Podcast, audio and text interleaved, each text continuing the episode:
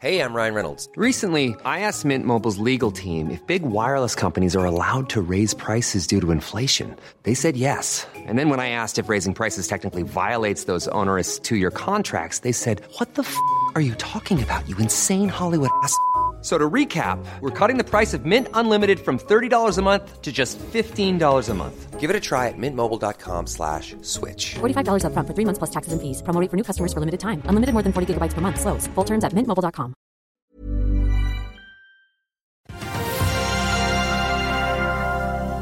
Sikkerhetspetroleum landet børsnoteringen til slutt, og det blir dermed en av de største børsnoteringene i år, kan vi vel si. SalMar er ute med tall og er det verste marerittet over for Otovo-aksjonærene. Eller er det flere farer som lurer på kontinentet? Det er onsdag 22. februar. Velkommen til Børsmorgen.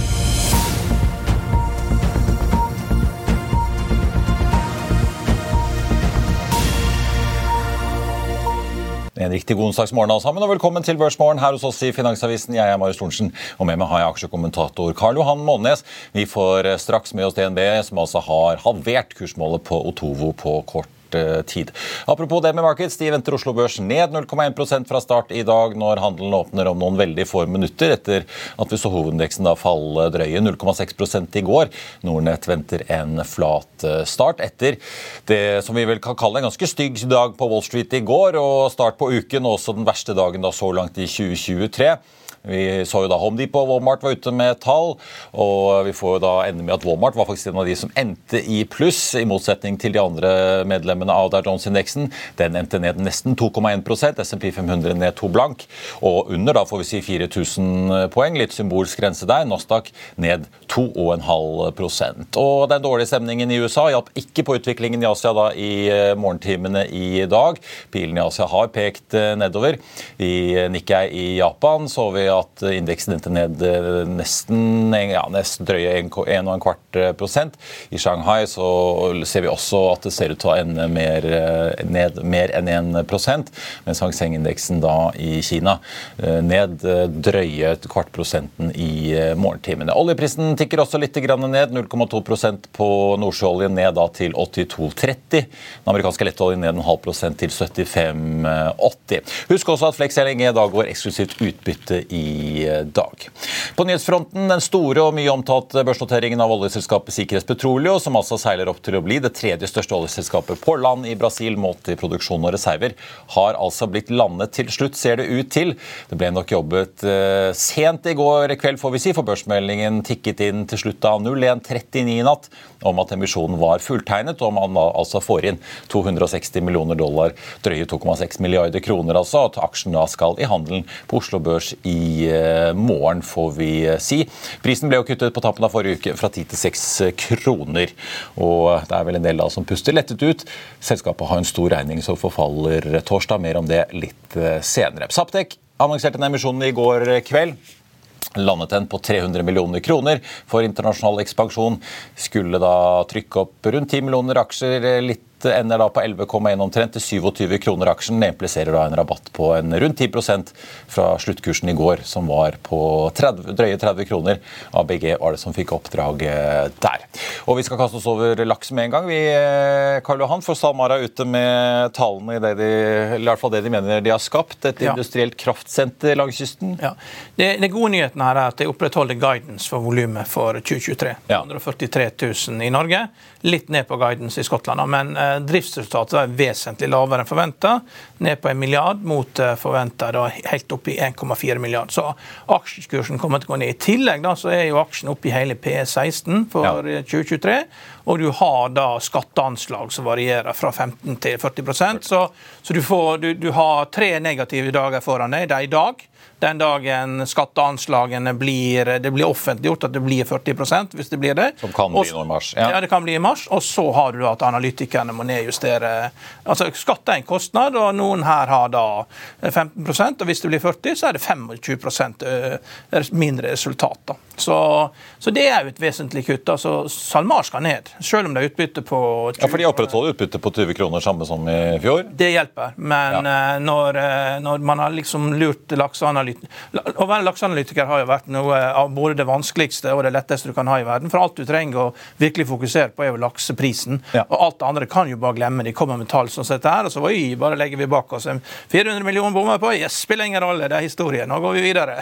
Og så fokuserer på lakseprisen. Og så er det fôr- fôrkostnader. Det er positive ting oppi dette. Fôrkostnader er på vei ned, så det hjelper jo. Men eh, Ja, for de steg jo mye i fjor. Det var jo en driver. ja. Så det bransjen, er, eller sånn, i hvert fall Analytikerne og bransjen vi snakket med virket jo ikke veldig bekymret fordi lakseprisene var så gode. Ja, men det blir en del ekstraarbeid for uh, lakseanalytikere med litt uvante problemstillinger, så ikke bare kan kaste bak det og si oi, vi har vi bomma med 400 millioner kroner, spiller ingen rolle, vi legger det bak oss, vi ser på neste år.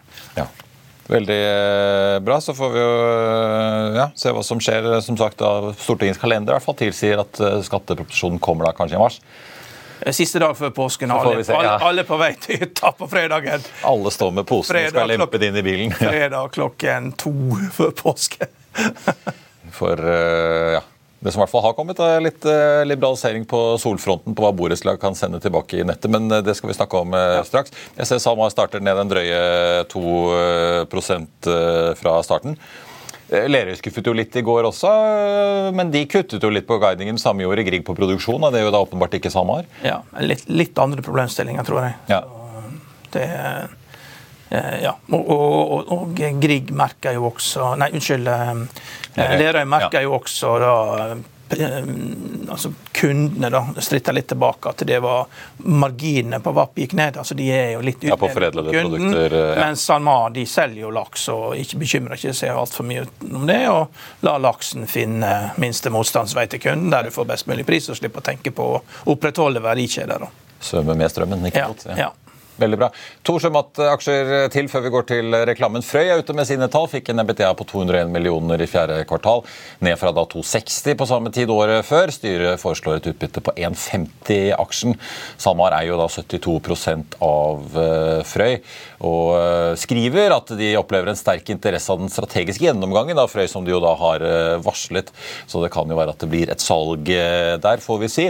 Icelandic Salmon også ute med tall. Fikk et operasjonelt driftsresultat på 9,3 millioner euro i fjerde kvartal, opp fra da 3,7 på samme tid året før. Vi er straks tilbake med får vi si, DNBs Otovo-ekspert Helene Kvilhaug Brøndbo rett etter dette. Vil du bli oppdatert på det viktigste som har skjedd innen finans og næringsliv? Da er det bare å følge med, for hver morgen er jeg, Marius Lorentzen og aksjekommentator Karl Johan Malnes på plass i studio for å ta tempen på dagens marked i Børsmorgen. Og hver ettermiddag oppsummerer vi alt du trenger å vite i økonominyhetene, og det blir selvfølgelig masse interessante gjester. Klikk deg inn på fa.no-tv, eller søk opp Børsmorgen og Økonominyhetene der du hører på podkast. Velkommen tilbake, dere. Og Otovo, som vi skal snakke om nå, hadde jo da tidligere uken sin verste børsdag eh, noensinne etter å ha varsla om regelendringer og i da subsidieordningene i Italia. Eh, ned nesten 18% på det verste da i, eh, tidligere i uken på mandag. Og så ser vi jo da Resultatvarselet kommer jo fredag ettermiddag, riktignok. Så har vi fått et lite løft i aksjen. Da ser det ut til to dager på rad nå. Starter opp en halv prosent. Eh, og da er det veldig hyggelig å kunne ønske velkommen til Helene Kvilhaug Brøndbo da, i DNB Markets. God morgen, Helene. Med oss på Teams fra DNB Headquarters i Bjørvika, som vi kan kalle det på godt norsk. Dere har tatt ned, Du sier fortsatt kjøp på Tovo, men du har tatt ned kursmålet ganske mye nå. Grått regnet halverte da ned til eh, 21 kroner. Men den ligger jo langt under det. Ja, det, det stemmer det. Og hvis vi bare kan gå inn på hvorfor kuttet såpass kraftig i det kursmålet, så er det en blanding av fundamentale faktorer i tillegg til hva skal man kalle det for, en mangel på kortsiktige triggere, og at Italia kan på, dra aksjen ned og putte en vekt på den på, i det korte bildet. Så vi har redusert fundamental verdsettelse fra 41 kroner til 32 kroner per aksje. Og det er pga. en kombinasjon av høyere renter i tillegg til et lavere marginforecast. Vi ser nå at det europeiske markedet for residential solar begynner å normalisere seg litt. Det har vært en boom i 2022 hvor husholdninger har hatt en veldig høy urgency for å skaffe seg dette pga. høye strømpriser. Men ettersom strømprisene har kommet noe ned, og man forventer at disse skal videre ned, og flere europeiske land har lansert støtteordninger for å takle de høye strømprisene, så har da også denne urgencyen med å få opp solceller med en gang, og dermed også betalingsvilligheten gått noe ned. og Derfor har vi, derfor, derfor har vi da redusert det mer langsiktige marginforecastet litt, litt før det vi hadde trodd tidligere. da. Og så har vi også redusert litt ekstra for 2023 for å ta i betraktning at det blir lavere salg og lavere installasjoner i Italia enn det vi trodde før. Ja, for Jeg ser jo i meldingen, det, sant, dette som du også har påpekt, og selskapet selv påpeker, dette er jo det største markedet deres. Det raskest voksende markedet deres. De skriver jo likevel at det er en del uklarheter. De sier jo at det kan jo være at en del bestillinger som er gjort, som ikke er ferdig installert, bare blir droppet. Eh, føler du at du har helt klarhet i omfanget av eh, den regelendringen i Italia nå, eller er det fortsatt eh, litt uklart hvor, hvor mye det vil slå inn her? Det er fortsatt litt uklart. Det vi vet, er at den vil slå inn for nye salg. Det vi ikke er 100% sikre på, er hva som vil skje med prosjekter som allerede er solgt, men ikke installert ennå. Altså det som ligger i Otovo sin pipeline.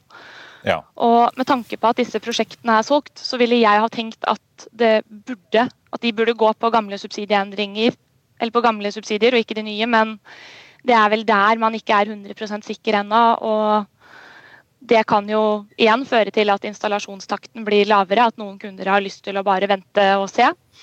Og det kan jo også i ytterste konsekvens føre til at, at kunder hopper ut, av, hopper ut, av, køen og ikke har lyst på solceller likevel. Og at man da får en reduksjon i pipelinen til Otovo.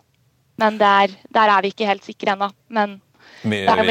Mye, mye, i Italia. Men, men de har jo ekspandert store markeder nedover Europa. Italia er åpenbart det største, men de er jo sant, i, i, Polen de har gått inn i, i Mellom-Europa. Sveits er det vel. Åpenbart Spania er et viktig marked også for dem. Jeg tror det også, så vidt jeg husker, at de er i Frankrike. Eh, man kan jo se på dette som at uh, nå er det verste over, men jeg tenker også, det, kan det komme endringer i andre land her som kan eh, bremse ting ytterligere? Har du noe noen eh, land på radaren din hvor det pågår prosesser eller hvor det kan komme endringer som du følger med på?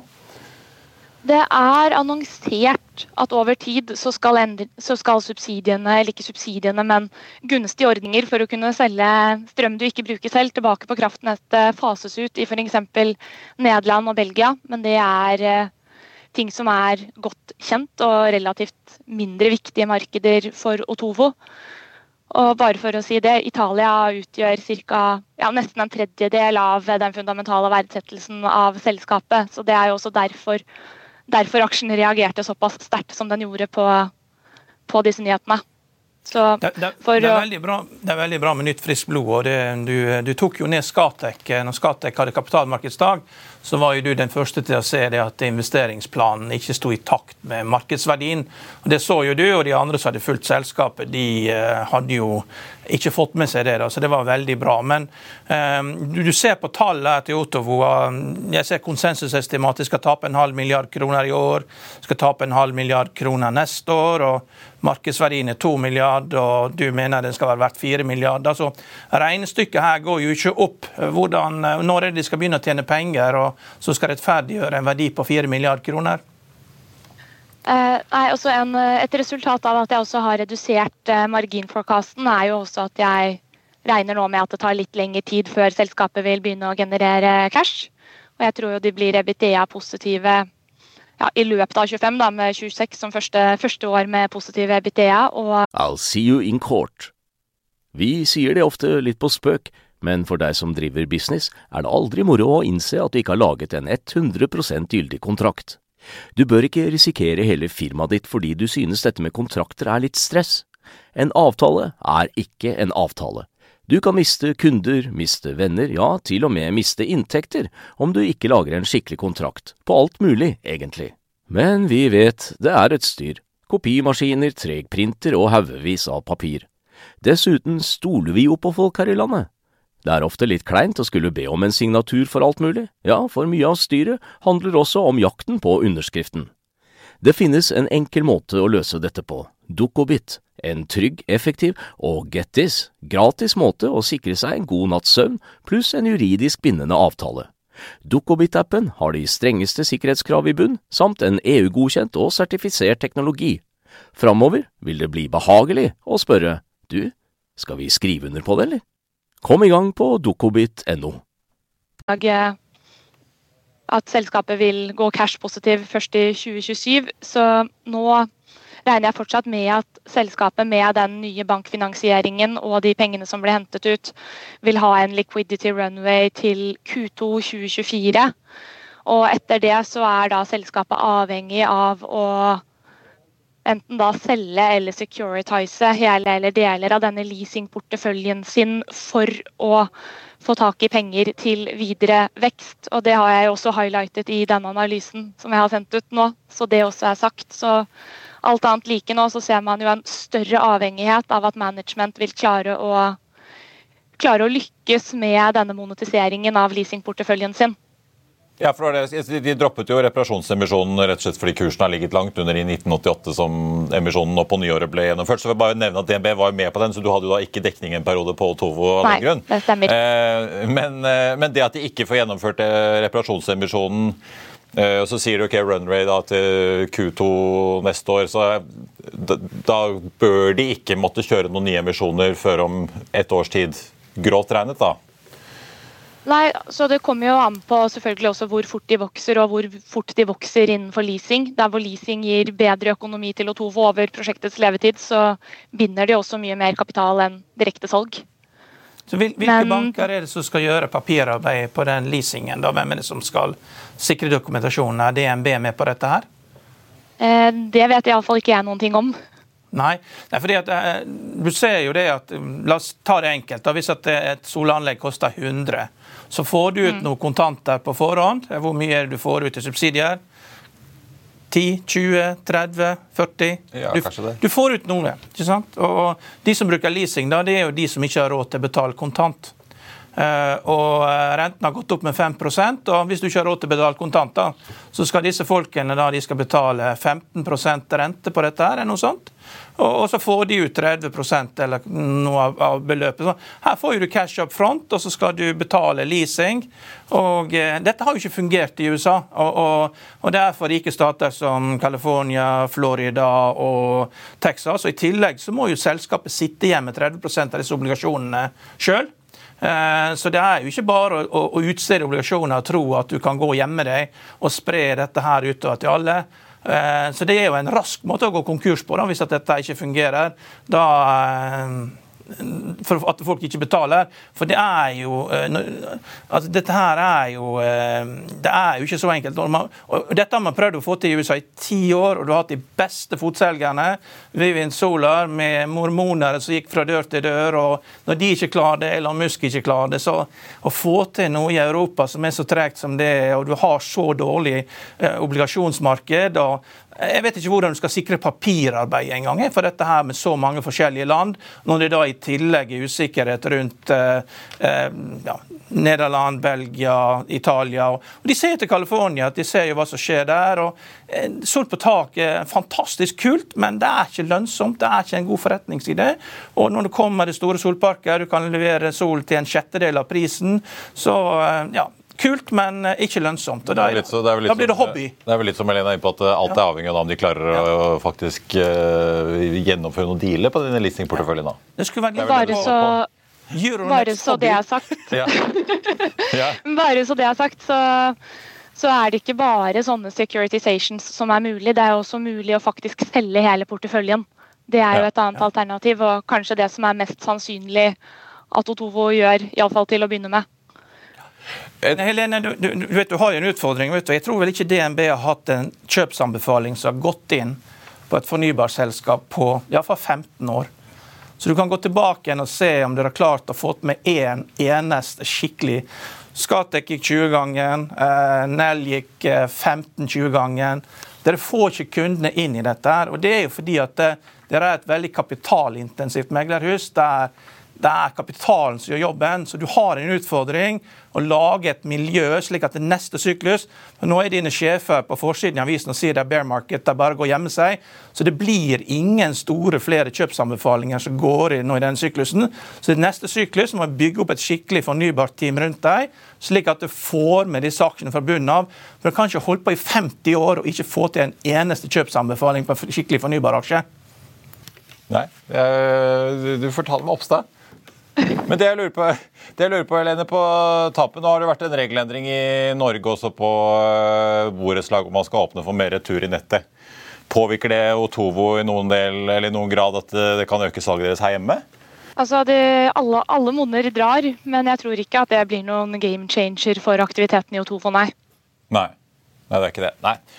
Helene Kvilehaug Brøndbo i DB Markets, tusen takk for at du var eh, med oss. Så blir det veldig spennende å se fremover eh, om de da eventuelt klarer å lande noen eh, dealer på porteføljen. Takk skal du ha. Vi må ta med noen andre tall som har kommet uh, noe helt annet enn fornybar, nemlig i rigg. TransOcean falt uh, snaue 5 i etterhandelen i går kveld etter å ha publisert kvartalstallene.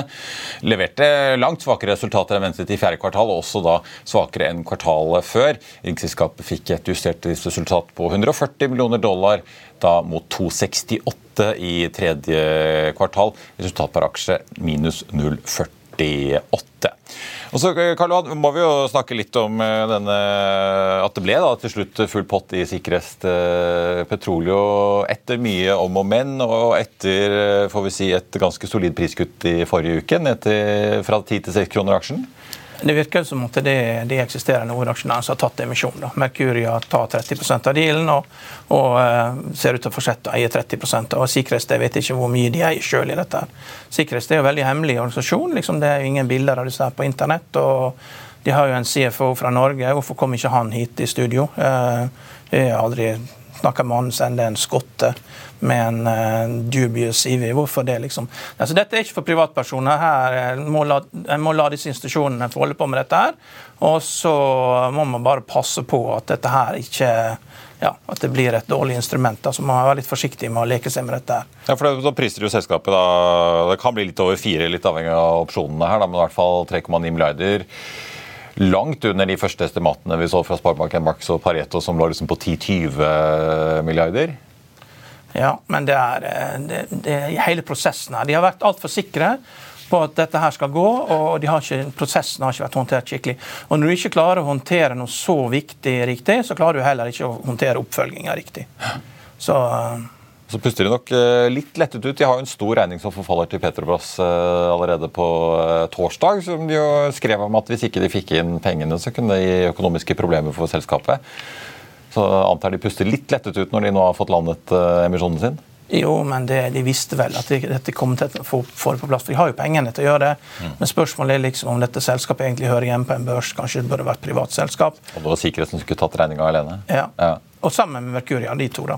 Så, eh, det, ja, for de tegner seg. det er jo det som har blenda de her og gjort at folk har senket garden. da. Det er jo at uh, man har sett sikkerhet gjorde en god jobb med Okea, men da har du en driftsorganisasjon i Norge som tar seg av alt dette. Eh, og eh, da eh, da, den brasilianske organisasjonen fungerer jo tydeligvis ikke like bra. og Du sender analytikere ned og kommer hjem igjen uten skikkelige svar. Så du må tette det gapet og gi finans, riktig finansiell informasjon. Ja. Skal vi snakke litt om hva som rørte seg på Wall Street i går? For det var en sur dag. Eh, man fikk jo da disse retail-tallene fra Home Depot og Walmart, som jo mange fulgte med på. De guider jo for en ganske sånn flat salgsutvikling i 2023, virker det som. Ja, men eh, det, det er bear market, og eh, nå begynner man å ta inn over seg at det, eh, det går svakt, dette her. Og selskapene, det neste som nå skjer, er jo at de ansatte eh, krever lønnsøkning, og det må de få. Eller så mister de ansatte. Stramt arbeidsmarked. Så det blir litt vanskelig å, det er alltid vanskelig å stoppe inflasjonen når, eh, når, den, når den, setter rot i lønnsdannelsen. Da, da er det eneste nedgangskonjunktur som, som ødelegger det. Hamdi på skulle bruke en milliard dollar ekstra på ja. bonuser og øke ja. lønninger og, for å rett og slett holde på folk? Ja, det, det er klart at regnestykket går ikke opp, ikke sant? og da, da må du, du må betale. Så dette her er så, så, det du får her, da Du får at de som har en jobb, Eh, og Spesielt disse unge, da, der du ser lønnsøkningen stiger ganske raskt, de har ikke noe problem med å betjene økte renter. Men de som får problemer, det er den finansielle delen av økonomien. Det er de som har eiendomsprosjekter, og de som eh, har vært vant til å ha veldig billig funding, og som har lekt seg med dette her, og der kapitalen har vært den viktigste innsatsfaktoren.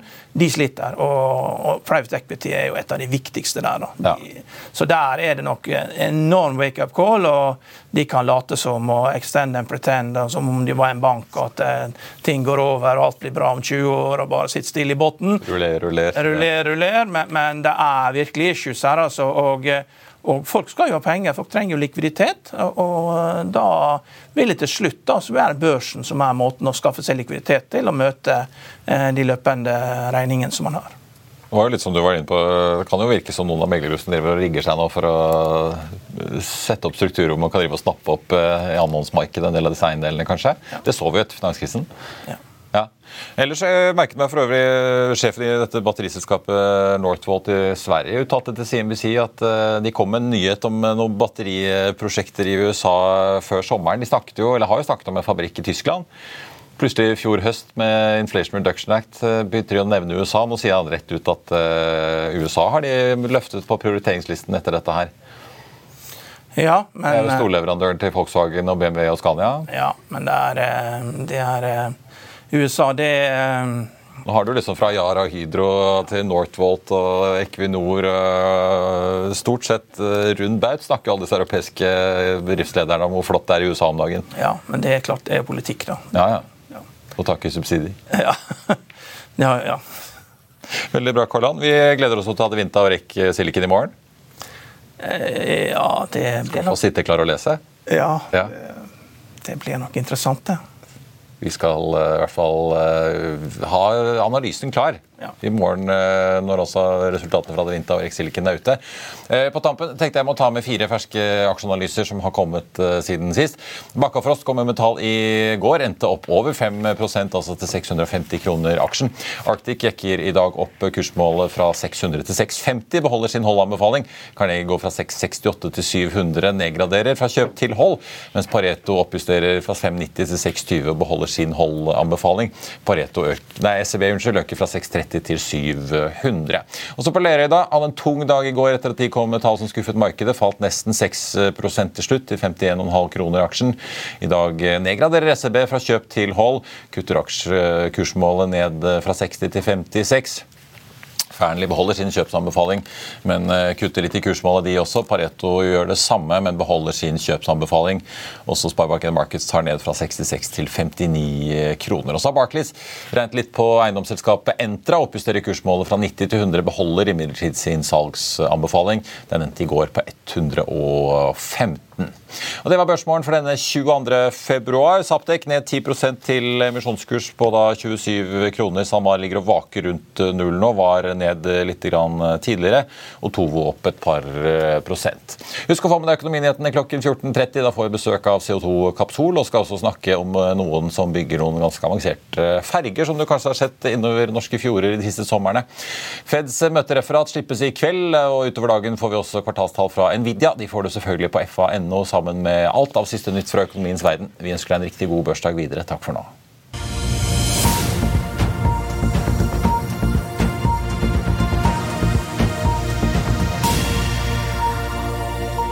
Økonominyhetene er en podkast fra Finansavisen. Programledere er Marius Lorentzen, Stein Ove Haugen og Benedikte Storm Bamvik.